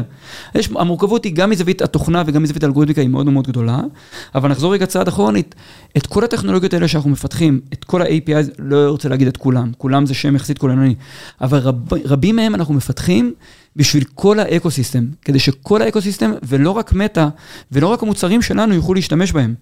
יש אה, למעשה קונסורסיום שקם לפני כמה חודשים, שמטא היא חלק ממנו, שבה אנחנו ממש דנים על הסטנדרטים, שדרכם אנחנו מפתחים את כל ה-APIs האלה, וזה ממש, אני כאיש פיתוח, ביומיום שלי, אני מתעסק בפיתוח APIs, שגם ecosystem אחרים ולא המכשירים של מטא יוכלו להפעיל אותם. ביומיום בזה אני מתעסק. עד כמה גיא רוזן מציג לך? הוא לא מציג, הוא שותף. סבבה. ו? לא, תשמע, אני, אני פשוט חושב כי בדיעבד, מהצד השני של מטא, מטא זה כל מה שאתה מתאר היום, וזו החלטה שרק פאונדר כנראה, רק... היה מסוגל לקחת. founder-led company כנראה הייתה יכולה לעשות דבר כזה, אנשים לא מבינים עד כמה ההימור הזה הוא עצום ולא נתפס עסקית, אבל זה בסדר, כי הם בנו את המערכת פרסום הכי מתקדמת בהיסטוריה לצד גוגל, שמאפשרת לעשות את הדבר הזה. אמ, ודברים שהם עשו אז, ואני עדיין זוכר ב-2012-2013, שיכלתי לשחק קצת עם API'ים של פרסום של פייסבוק, אמרתי, אה, זה מעניין, אבל הדבר הזה הוליד את קיימברג' אנליטיקה, שלא משנה אם... בעיניי לפחות זה בבלת, כי אם אתה רואה מה באמת קרה שם, אתה רואה שזה בבלת, אני אשאיר אפילו פודקאסט של מייקל לואיס, שהוא טיפה יותר אה, חכם ממני, שיסביר למה זה בבלת, אבל בסדר, הרעש התקשורתי היה עצום, הוא שינה את החברה. אה, וזה הכל בגלל שינויים ב-API, מה אתה מחצין החוצה ומה לא. עד כמה עכשיו חבר'ה כמו גיא רוזן, ישראלי בפייסבוק שאחראי על אבטחת מידע, סיסו של החברה היום, דואג שאתה לא תעשה שטויות. זאת אומרת, איך, איך אה, בוררים מה להחצין, כי אתה רוצה את החוויה הכי טובה. מצד שני, אתם לא, לא רוצים לעשות החלטות שעשור מהיום יעשו את השיטסטורם הבא. מעניין. החלק המעניין בחברה כמו מטא, זה התרבות הבוטום-אפ שלה. זה חלק מטורף, אני לא חוויתי דבר כזה מעולם, מעולם, מעולם בחיי. לא האמנתי, אני אומר לך את זה בכנות, שארגון יכול לתפקד עם תרבות כל כך חזקה של בוטום-אפ. אז החלק המעניין, אנחנו לא צריכים מישהו כמו גיא רוזן, שיבוא ויהיה השוטר שלנו, ויבוא וירדה בנו, מה שנקרא, אלא הדברים האלה היום של security ושל privacy ושל... Uh, לתת את הכבוד המוחלט, המוחלט, המוחלט לדאטה של ה user, ושקיפות מלאה, מלאה, מלאה למה אנחנו עושים עם הדאטה של ה user, היא כל כך embedded בכל מהנדס ומהנדסת, שאותו דבר, מ-day one, מ-day one אנחנו עוסקים בזה. מ-day one אנחנו עוסקים בשקיפות מוחלטת במה שה user מקבל תמורת הדאטה שלו, ויותר מזה, הוא גם יכול לעשות opt-out. יש שירותים שאתה פשוט לא יכול לתת בלי cloud, בלי לחלוק את הדאטה. הרוב המוחלט, מן הסתם, אם אתה רוצה חוויה שהיא קומונלית לכמה אנשים, אז אתה חייב לחלוק את הדאטה. לגמרי, לגמרי. ואני יכול להגיד לך שהמון המון חברות עושות שימושים הרבה הרבה הרבה הרבה הרבה יותר מרחיקי לכת בדאטה שהן מקבלות מה יוזרים מחברת. בעולם הזה של VR ו-AR? לא, לא, לא, אני מתכוון בעולמות הכלליים. זה בסדר, נו, אז אני חי את העולם הזה, כן. אצלנו העיקרון הבסיסי זה privacy first. ואופט-אין לשירותים האלה, זה עיקרון מאוד מאוד בסיסי, וגם היכולת להבין בצורה מוחלטת מה נעשה עם הדאטה שלך, והיכולת גם לבחור ולהגיד, תודה רבה, עכשיו אני רוצה לקחת, שלי בחז... לקחת את הדאטה שלי בחזרה, לא מתאים לי יותר. אלה דברים מ-day one, בכל פיתוח טכנולוגי שאנחנו עושים, שהם שזורים בתרבות שלנו. עד כמה השינויים שמגיעים עכשיו לכל מה שקשור לצד אה, של המסך עצמו, בסוף יש מסך שנמצא לך מול העין, הולכים להשפיע על החוויה, זאת אומרת, אני מסתכל על האוקולוס 2, ואני תמיד באיזה דיסוננס ביני לבין עצמי לבין... זו לא גרפיקה טובה במיוחד, מצד שני החוויה כל כך עוצמתית. זאת אומרת, אפילו, יש לי ילד קטן, ושמתי לו את זה על הראש, למרות שלא אמורים, ואתה רואה מיד שזה לא בסדר. זאת אומרת, אתה רואה מיד שזה עוצמתי מדי. זה, זה ממש חוויה עוצמתית. והגרפיקה לא... היא 20 שנה אחורה, נקרא לזה, נכון? אתה 15 שנה, 20 שנה ביחס למה שהמחשב בית שלי יודע לעשות. עד כמה כשיסגר הפער אנחנו נחצה פה רמות אחרות של אפליק... אפליקציות?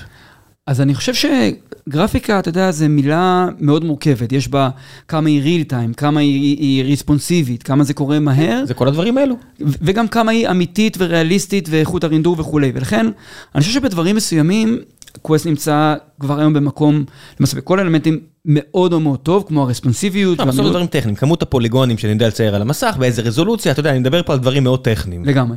ופה, זה המלחמה שלנו, זה, זה האתגר שלנו, להמשיך להקטין ולהקטין ולהקטין את המוצרים, זה ציר אחד שאנחנו מתקדמים פה, תוך כדי להמשיך, להמשיך להגדיל ולהגדיל ולהגדיל את כמות הקומפיוט, ה GPU, גם לרינדור וגם ה compute האפליקטיבי שאנחנו נותנים למפתחים, ולעשות את שני הדברים האלה במקביל. איך עושים את זה במקביל? על ידי הימורים או פיתוחים מאוד מאוד משמעותיים סביב סיליקון, על ידי התבוססות על, על cloud, על שירותי cloud שנותנים boost משמעותי מאוד מאוד לחוויה, ועל ידי הבאת המון המון המון טכנולוגיות state of the art, בין אם בעולם, מהאקדמיה אני מתכוון, בין אם מעולם הגרפיקה, בין אם מעולם ה computer vision, בין אם מעולם ה machine learning, שפשוט גורמים לדברים להיות... אה, פשוט נראים כמו מדע בדיוני, הקצב של הטכנולוגיות האלה, איך שהוא מתקדם, ומה ניתן לעשות היום, אפילו מלפני, לעומת לפני שלוש שנים. אתם דוחקים גם את ה... אמ, קצה, באתי להביא את הביטוי האמריקאי, אני לא אעשה את זה, אבל אתם דוחקים את המעטפה אה, גם אה, בצד המחקרי? זאת אומרת אצלכם פה בארץ? מאוד מאוד מאוד. אני מניח שכמי שמוביל את הקבוצה, יש לך את המתח הזה בין החבר'ה שלך שרוצים לעבוד על מחקר, לבין בסוף צריך לפתח צ'יפים.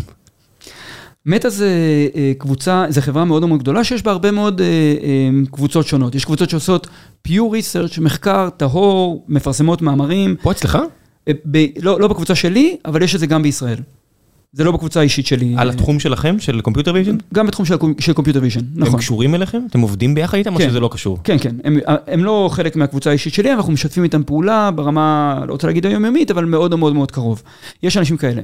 בקבוצה שלי האישית יש לנו אה, מהנדסי ומהנדסות תוכנה שעושים פרודקטיזציה, אנחנו קוראים לזה, ממש הקוד המבצעי שרץ על ה-Device ועל ה cloud, ויש אה, מהנדסי Applied Research, כלומר שעושים research, לא מזווית של פרסום מאמרים, זה לא לזה אנחנו עושים אופטימיזציה. אופטימיזציה, אלא מזווית של להביא את הטכנולוגיות הכי הכי הכי state of the art שקיימות באקדמיה, ולהתאים אותם לסד האילוצים המאוד מאוד מאוד מאוד מאוד מאתגר שיש לנו, מזווית כמה compute זמין לנו וכמה memory זמין לנו.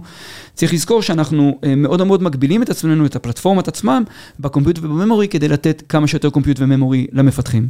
ובסוף, כן, כי אתה בסוף מייצר את המערכת הפעלה, ויש את העניין הזה של בסוף חשמל. נכון. ברגע שעברת למכשיר שהוא לא מחובר לחשמל, זה לא אה, מחשב desktop, אתה כל הזמן חייב לדבר על זרם, שזה עולם אחר. לגמרי, לגמרי. למעשה חשמל או power משפיע עלינו בשני היבטים, גם ב battery life עצמו, כמה זמן שה device כן, מחזיק. אתה לא יכול לתת לי מכשיר שתוך עשר דקות מסתיים. וגם בגודל שלו, כמו שאמרנו מקודם, כי ככל שהמכשיר מייצר יותר חום, הוא צריך להיות יותר עבה. אחרת הוא יכול לשרוף לנו את הפנים כמשתמשים. וככל שהוא מייצר פחות חום, דור, אה, אה, דורש פחות פאוור, פחות כוח, הוא יכול להיות יותר ויותר ויותר קטן, ולכן אכן סד האילוצים הוא מאוד מאוד מאוד מאתגר. החבר'ה של ה-ID איתכם, של ה-Industrial Design, הם פה בארץ? לא. איך איך העבודה מולם? איך איך זה מרגיש? זאת אומרת, מה, הם שולחים לך אה, תמונה, מודל כדי לדעת מדהים, אומרים מה אתה אומר? כאילו, איך אה, אתה שולח להם אילוצים והם צריכים עכשיו להתמודד איתו? איך העבודה מולם? זה חלק מהדברים שאני מאוד מאוד מאוד מאוד מאוד אוהב בחברה הזאת. אה, חברות אחרות הן מאוד מוכוונות מהטכנולוגיה. הטכנולוגים אומרים מה הם מסוגלים לבנות, וזה מה שבונים. כאן אנחנו מוכוונים consumer, הצרכן הסופי עצמו, ולכן מחלקות ה industrial design הן למעשה שולטות בהכל. הן באות ואומרות, זה הגודל שאנחנו רוצים לראות, אנחנו לא רוצים לראות שום דבר אחר. זה קצת, אני טיפ-טיפה מקצין, אתה יודע, כמובן יש טיפ-טיפה משא ומתן, אבל לא כל כך הרבה. זה הגודל שהצרכנים שלנו צריכים. עכשיו טכנולוגים יקרים, לכו ותפתרו את זה בגודל הזה. והפליפ הזה בתפיסה של ID first או Industrial Design first, הגודל, הפאוור שזה דורש והכל, הוא מאוד מאוד מאוד עוצמתי כאן. כמובן שלמחלקות שלי כטכנולוג זה רק מקשה על החיים והופך את החיים ליותר מאתגרים. אז בוא נלך על משהו נוסף שהקשה מסורתית את החיים של מפתחים בפייסבוק. אתה יודע, יושב מרק צוקרברג ב-2004 או לא יודע מתי ואומר, למפ, PHP זה אחלה, אני אכתוב את זה PHP, ואז דורות של אנשים מהמוכשרים בעולם היו צריכים לשים המון... המון lipstick על החזיר ההוא, איך זה קורה, גם ב computer vision יש שם legacy שאתה חייב לחיות איתו. איך מתמודדים עם זה בחברה כמו מטא שאין לך את היכולת, זאת אומרת אפילו בחברות קטנות יותר כמו סנאפ, שלידכם לא רחוק מכם גיאוגרפית, הם שנות אור מכם ביכולת שלהם, פשוט לקחת דברים מבחוץ, ובמטא ובגוגל ובאמזון, אין מה לעשות, הכל זה מערכות in-house. איך חיים עם זה? ואתה הגעת, אפילו Magic Leap, אתה הגעת ממקום. כל דבר שאתה רואה בשוק, אתה יכול להשתמש בו פחות או יותר. ועכשיו אתה מגיע למקום שאם אתה לא בונה אותו in-house, אולי לא. נכון. אז אולי נגיד את זה ככה. קודם כל, כאן כותבים בעולמות ה-computer vision, ה-AR, VR, כותבים בעיקר ב-C++ וב-assembly. ממש כותבים... לא Python? אין לכם, בסופו של דבר, אתם לא כותבים מודלים ואת הכל... זה תלוי באיזה שלב. בשלב ה-applied research... אצלכם, בקבוצה שלך. בקבוצה שלי אנחנו עושים גם applied research וגם פרודקטיזציה, נכון? כמו שאמרנו קודם.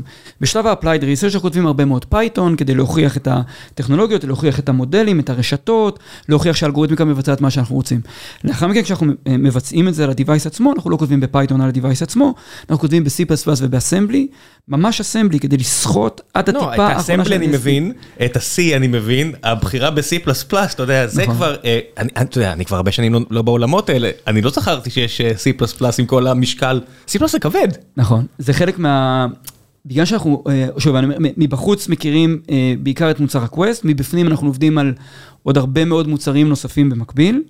ולכן אנחנו צריכים לחשוב פלטפורם פרסט, אנחנו צריכים לחשוב, אנחנו עושים פלטפורמה שיכולה לתמוך בכמה וכמה וכמה מכשירים בו זמנית, ולאו דווקא שאנחנו צריכים לכתוב קוד שהוא tailor made, יש כמובן אופטימיזציה שאנחנו עושים לכל מכשיר בנפרד או לכל device בנפרד, אבל התפיסה הבסיסית זה פלטפורמה, ואת זה יותר ניתן לבנות עם C++ מאשר עם C, לצערי זה כאילו היכולות ש-C++ נותן לנו, מאפשרות לנו להתקדם הרבה הרבה יותר מהר כשאנחנו עובדים על כמה וכמה מכשירים במקביל.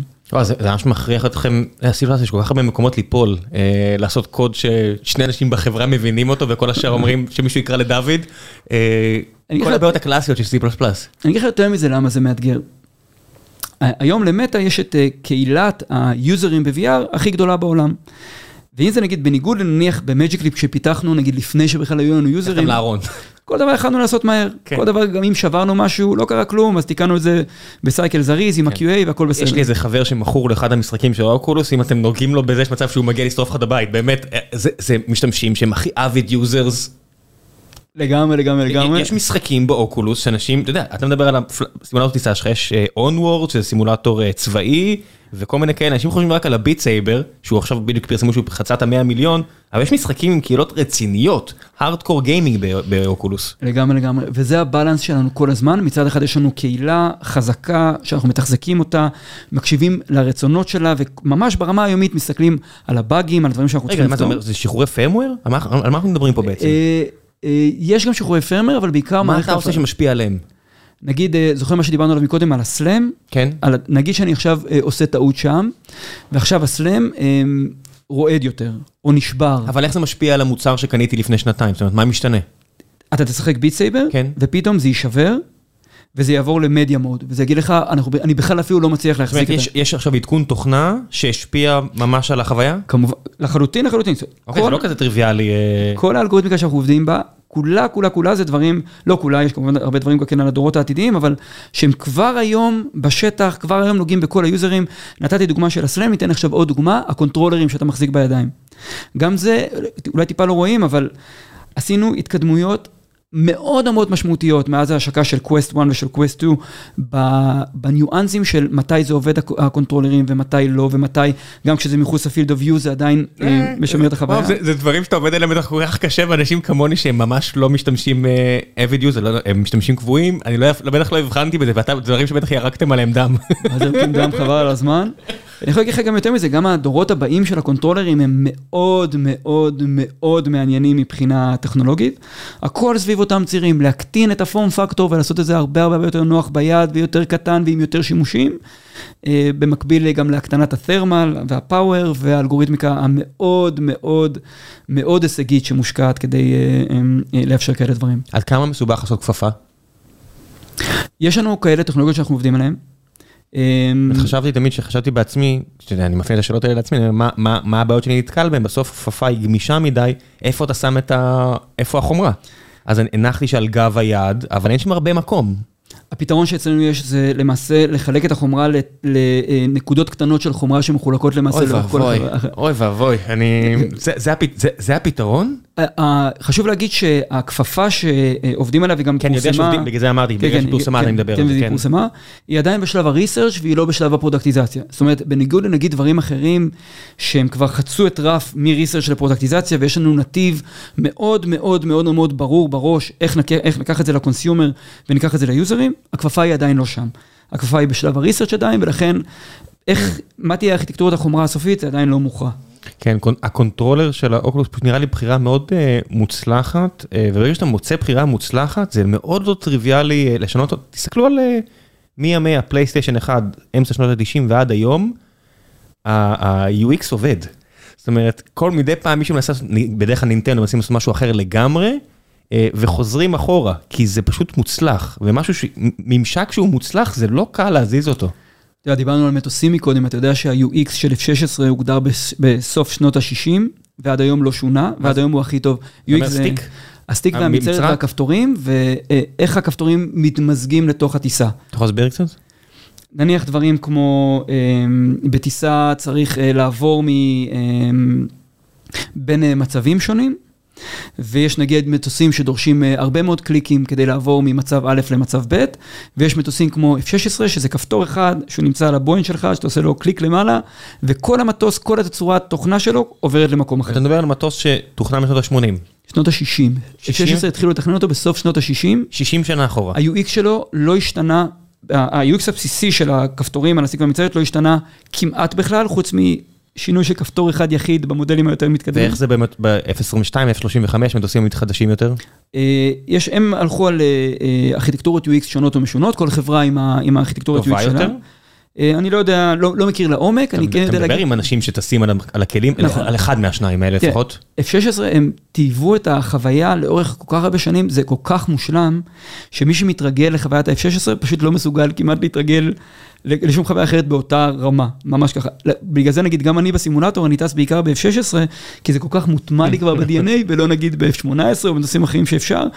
כי פשוט ה- היכולת שלי יורדת בכמה וכמה מדרגות מרוב שאני רגיל ל-UX. כמה זה משנה שאתה היית נווט ועכשיו אתה טייס, אני מניח?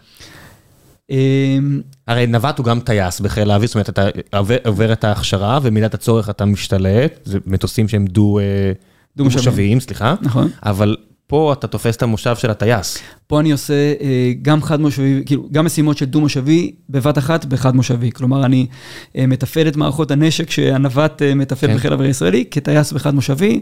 עד כמה זה יוצר אצלך, כאילו סגר לך את הפינה? אני לא יודע להגיד אם סגר את הפינה, אני יודע להגיד שזה מאוד מאוד... בסדר, בגלגול חיים הזה, זה מה כן. יש, אתה יודע. מאוד מאוד מאוד מציאותי, וזה כל כך מציאותי שזה... תחשוב מה זה 4-5 שעות בשבוע. תחשוב מה זה, איזה תחביבים יש לך, שאתה משקיע בהם 4-5 שעות אתה, בשבוע. אתה עוסק בהם עכשיו, אתה, אתה עושה את זה איתי עכשיו. זה התחביב היחידי שיש לי זמן להשקיע בו 4-5 שעות בשבוע, זה הדבר היחידי. עכשיו כמה זמן זה, כן, לגמרי. זה זה, זה הדבר היחידי שאני עושה 4-5 שעות בשבוע. אתה חולק את זה איתי עכשיו. יש צניחה? אה, יש... החלק הפחות כיפי בטיסה, אני מניח. אתה יודע שעכשיו פרסמו סרט בתלת מימד, אם לא ראית אותו, חובה לראות, בתוך Quest. שרואים אה, אה, מטפס הרים מקצועי. את אלכס, איך קוראים לו? נכון, אוקיי. ואתה ממש יכול לעמוד לידו ולראות אותו מטפס על האבן.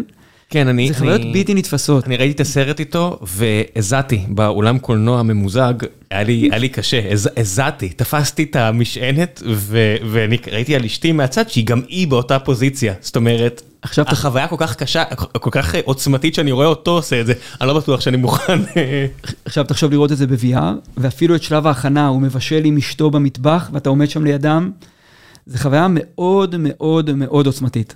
שווה לראות. כן, אחד האנשים, אה, אני חושב שזה נקרא, אה, אני זוכר איך נקרא הסרט שלו, פרי בייס או משהו כזה, אה, מאוד מאוד ממליץ לכם לראות, מה שנקרא לא בן אדם רגיל, אבל אם אפשר לחוות את החיים דרך בן אדם לא רגיל בלי, בלי ליפול מהר, כיף.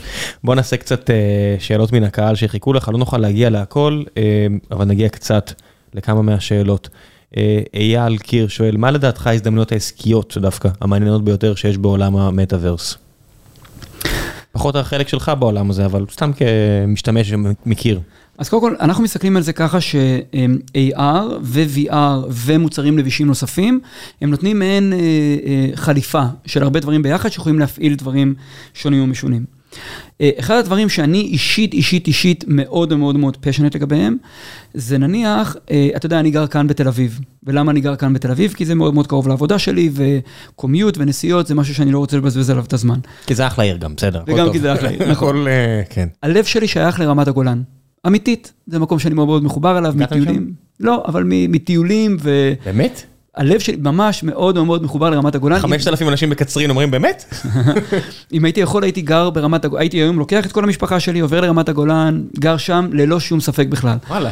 אני לא עושה את זה, למרות שיש היום זום ויכולות VC. אנחנו עדיין לא שם. ואנחנו עדיין לא שם. בעיניים האישיות שלי, לקום בבוקר ברמת הגולן, להיכנס לחדר, לשים VR על העיניים, ולעבוד ב-open space שבו אני וכל הקולגות שלי, בתוך אותו open space ביחד, וה-open space הוא כבר לא אמיתי ומצ... ומציאותי, אלא מכל העולם אנחנו מתחברים ל-open space כזה ביחד ועובדים בו ביחד.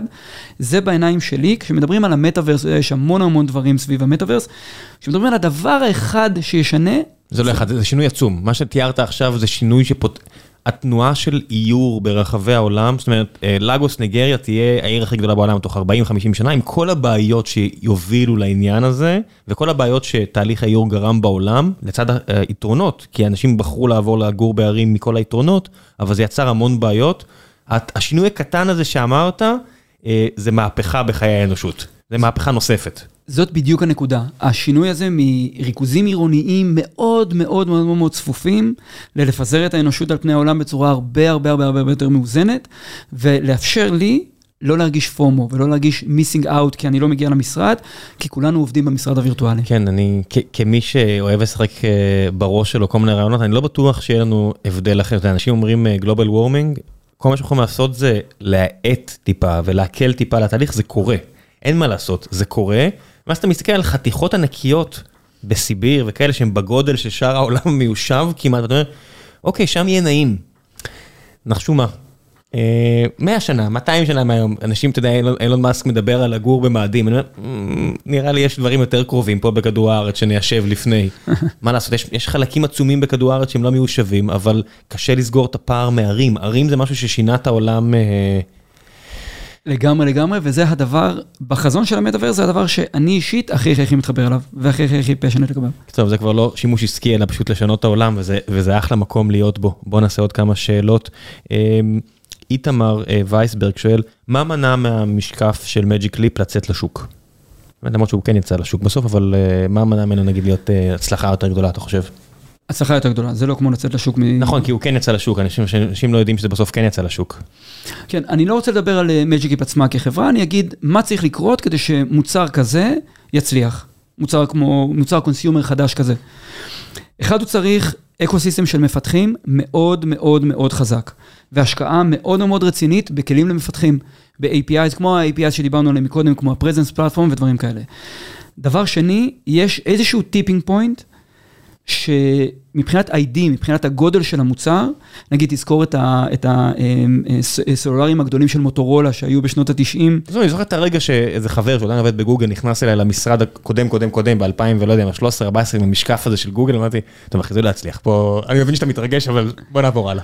תחשוב על ההבדל שהטלפון הסלולרי נכנס לך לכיס, לעומת שהוא היה במזוודה שסחבת אותו לפני. כן, זה לא... ויש את ה-tipping points האלה של ID, שבו אתה אומר, עברתי את הטיפינג פוינט הזה, רק עכשיו זה יכול להיות consumer, מוצר consumer. Industrial design, עיצוב תעשייתי מנצח, אין מה לעשות, בסוף... אה, לגמרי, לגמרי. יש סיבה שאתם מכירים את השם של אה, של, אדם, של האדם שעשה את זה באפל ולא של ה-CTO. אה, מי, ש, מי שנעלב שייעלב, אבל זה מה יש. בואו נעשה עוד כמה שאלות. עידו שבח קליין אומר, אני רוצה Magic Leap עם אוקולוס באינטגרציה מלאה, יש מצב שזה יקרה לפני סוף העשור? נקודה מצוינת שנגענו בה מקודם, אה, הרבה מאוד מה-APIs, עד כמה שאנחנו יכולים, זה ממש אה, אה, עיקרון מבחינתנו מה-APIs ומהיכולות שאנחנו מפתחים בתוך מטא, זה יכולות שאנחנו מפתחים אותן לטובת כלל האקוסיסטם. אני חושב שלא הזכרתי את זה מקודם, המטאוורס, אתה יודע, המושג הזה הגיע מספר משנת 1992, Snow Crash. אמ, וזה לא מושג שמטה רואה ownership לעצמה על המושג הזה או כל דבר כזה.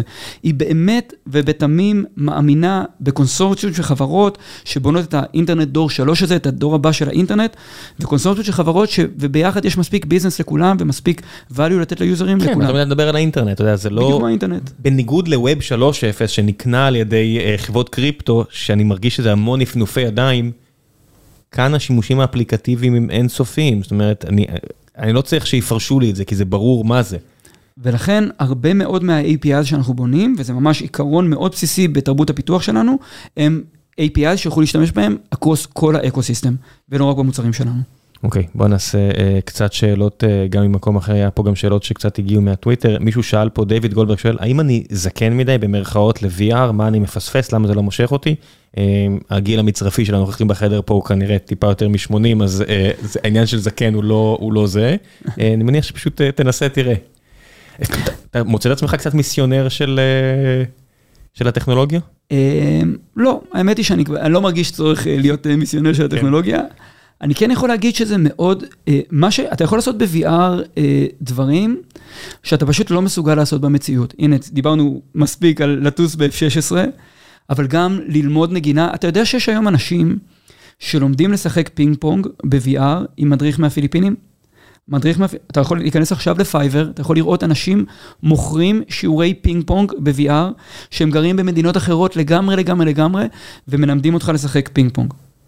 אתה לא חושב שזה דבר מטורף. כן, אני בשקט כי זה, אני אומר, אני יכול לבדוק את זה. היופי, בניגוד להרבה דברים אחרים, אני יכול לבדוק את מה שאמרת היום בערב. יש חוויה שקוראים לה 11, כנס היום בערב, לא תאמין כמה זה מציאותי, לא תאמין כמה התחושה ביד להשתמש ב-controller כמחבט לפינג פונג, כמה זה ירגיש לך מציאותי עד אחרון הניואנסים של slice לכדור, או סיבובים קטנים ועדינים, עד אחרון הניואנסים, לא תאמין לדבר הזה. זה נקרא 11. זה, זה מסוג, זה באמת מה...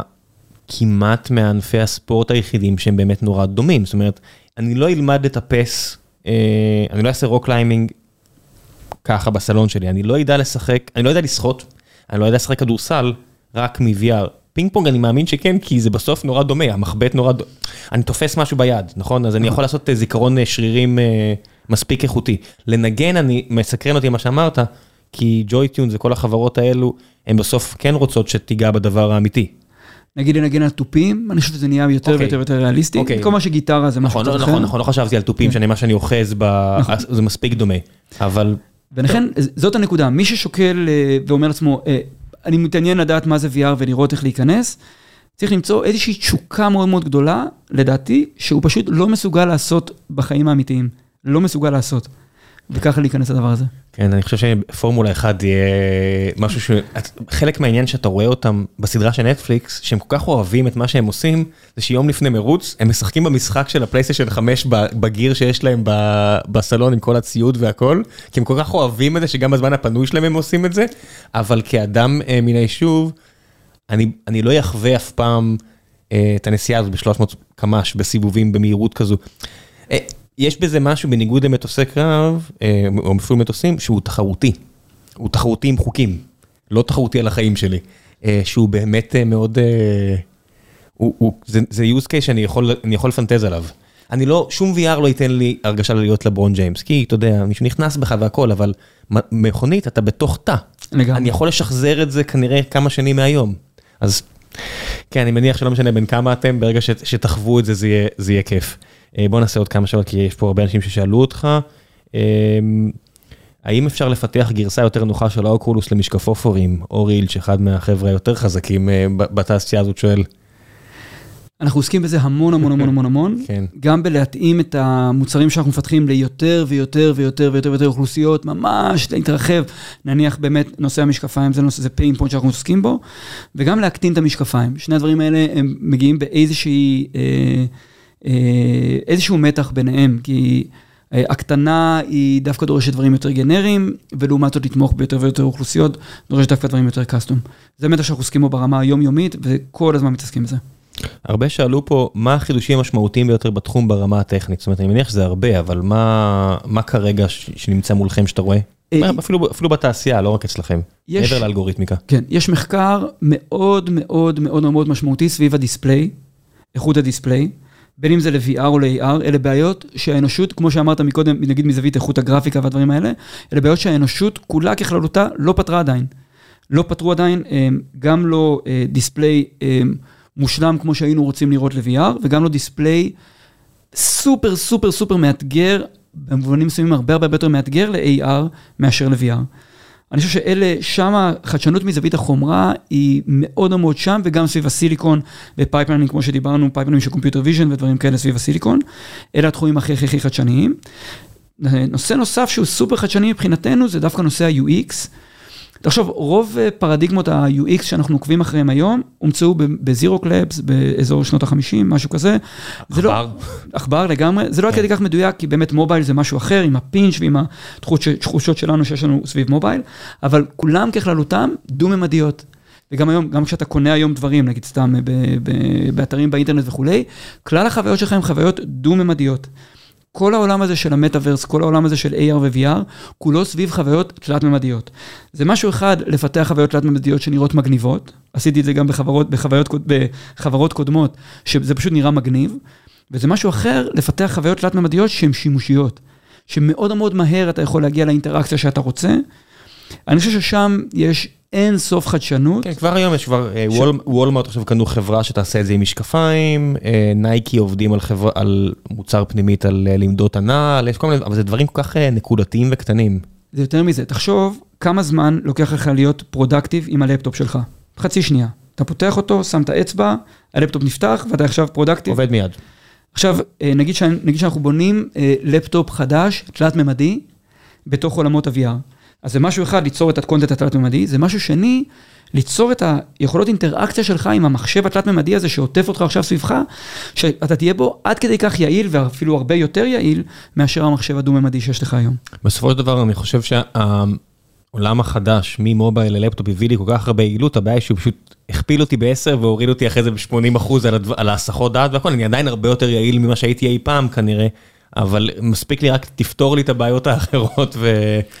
ואני אהיה בסדר, אבל זה כבר, אתה יודע, זה כבר עבודה אישית שכל אחד מאיתנו צריך לעשות. אמ, טל שואל, שמעתי מהרבה חברים שעבדו עם Magic Leap על טכנולוגיות פורצות דרך, פורצות, פורצות דרך בתחום ה-VR, אה, המון אנשים עם פתרונות יצירתיים וגאוניים, אה, האם נעשה משהו מהטכנולוגיות האלו? עם הטכנולוגיות של Magic Leap? כן. Magic Leap היא חברה אה, מתפקדת שהטכנולוגיות שלה ממשיכות.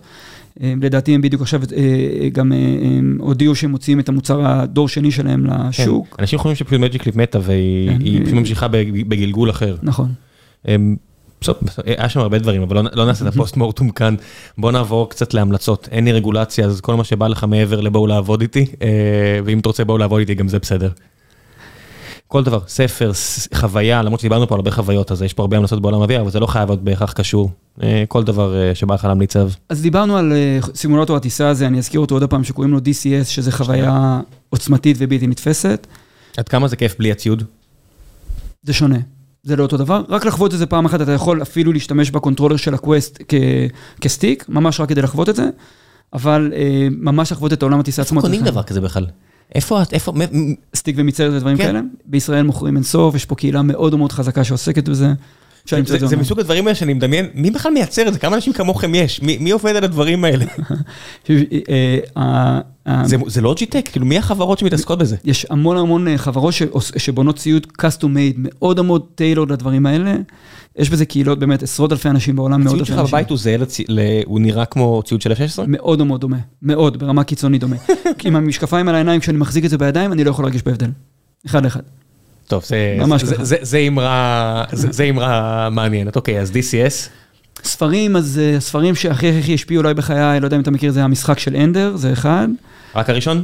Uh, הראשון הוא היה הכי עוצמתי מבחינתי, קראתי מן הסתם את כולם, אבל כל המתים את כולם. מאוד, הם ספרים מאוד מעניינים, הפסקתי בשלב מסוים, כמו כל סדרת ספרים, צריך לדעת מתי לעצור אותה, אבל ההמשכים מעניינים. מעבר להתאהבות שלו בבולשיט סייאנס, שהוא לא מחזיק מים, אבל ההמשכים... הרעיון של, של גיל במסע בזמן והעניין של להספיד והאשמה. אשמה זה חלק מאוד, מרכי, מאוד חשוב מהסיפור הזה שמסתיים במשהו שאתה אומר, אוקיי, הוא הולך לחוות אשמה על זה, אבל אה, ספר מאוד מעניין לך, זה ספר ילדים. ולפתוח את הסוגיות הפילוסופיות האלה שדיברת עליהן לאורך כל הספרים האלה, ולפתוח את זה לאט לאט, זו הייתה חוויה מאוד מאוד עוצמתית שלי כילד. מרד הנפילים, אני חושב שזה עוד אחד, ספר שגם כן שינה את ה... את התפיסה שלי על החיים בהרבה מאוד מאוד מובנים. ממנו לקחתי מאוד מאוד את חדוות היצירה, שיצירה זה דבר, יצירה ו- ובנייה ועשייה זה דבר מוסרי לכשעצמו. זאת אומרת, זה טיפה כמו שדיברנו גם כן בהתחלה, חדוות העשייה והבנייה של משהו שמשמש אנשים אחרים, זה ערך מוסרי אה, עליון במעלה. שמעתי אה, שיחה עם, אה, אני לא זוכר לבטא את השם שלו, אבל זה הבחור של DeepMind, של גוגל. אתה יודע איך קוראים לו, את השם שלו, אבל טוב, הוא בחור מלונדון אה, עם שם טיפה הוסביס, הסאביס, אני אתן את הקישור לשיחה הזו, והוא אומר שרוב מה שמניע אותו זה the quest for knowledge. הוא אומר, זה מספיק טוב, אני לא צריך משהו מעבר, שאחרים מסביב הם עושים מזה כסף והכל בסדר, אבל אני רק רוצה לדעת עוד. וכל כך האמנתי לו, זאת אומרת, אה, הוא נשמע מאוד אמין בדבר הזה, ויש את הסרט עליו, על AlphaGo. שמן הסתם כבר הרבה מעבר לשם, אבל כשהוא מדבר על קיפול חלבונים, אתה רואה כמה זה מה שחשוב לו. זה... לגמרי, לגמרי. אמ, אני אישית תמיד אומר, אה, יש לי כזה משפט שאני אומר גם לילדים שלי, אני לא כל כך אוהב ללמוד, אבל אני מאוד מאוד אוהב לדעת. אז אני מוכן לשלם את המחיר של תהליך הלמידה כדי לדעת. גם אני אוהב את ההרגשה של אחרי ריצה, אני לא בהכרח אוהב לרוץ. בדיוק, בדיוק, לגמרי, לגמרי. כן. אצלי זה קצת יותר אה, הבנייה עצמה, לבנות משהו ששימושי מאוד מאוד מאוד לאנשים אחרים, ולהתגבר על כל המשוכות שצריך כדי לבנות את הדבר הזה. כן, אני אוהב שדברים עובדים. אצלי בעבודה הזאת, ההרגשה הזאת שהתזמורת מנגנת, זה הכאב שלי, פשוט נורא קשה להגיע למצב שכל התזמורת מנגנת, אבל כשזה קורה, זה ממלא אותי באושר. אני לא יכול להבהיר לאנשים עד כמה שקבוצה של עשרות אנשים מנגנת, זה כיף, זה מסב, זה מסב אושר. לגמרי, לגמרי. טוב, תודה רבה רבה רבה על הזמן שהקדשת. אה, מקווה שהבאת פה הרבה השראה לאנשים, לא יודע, אני, אני, אני שוקל לעזוב הכל וללכת לעבוד איתכם, אני לא... רעיונות קשים, לא יודע, לא סתם, אני צוחק, יש פה מספיק עשייה פה. יאללה, ביי עד הפעם הבאה.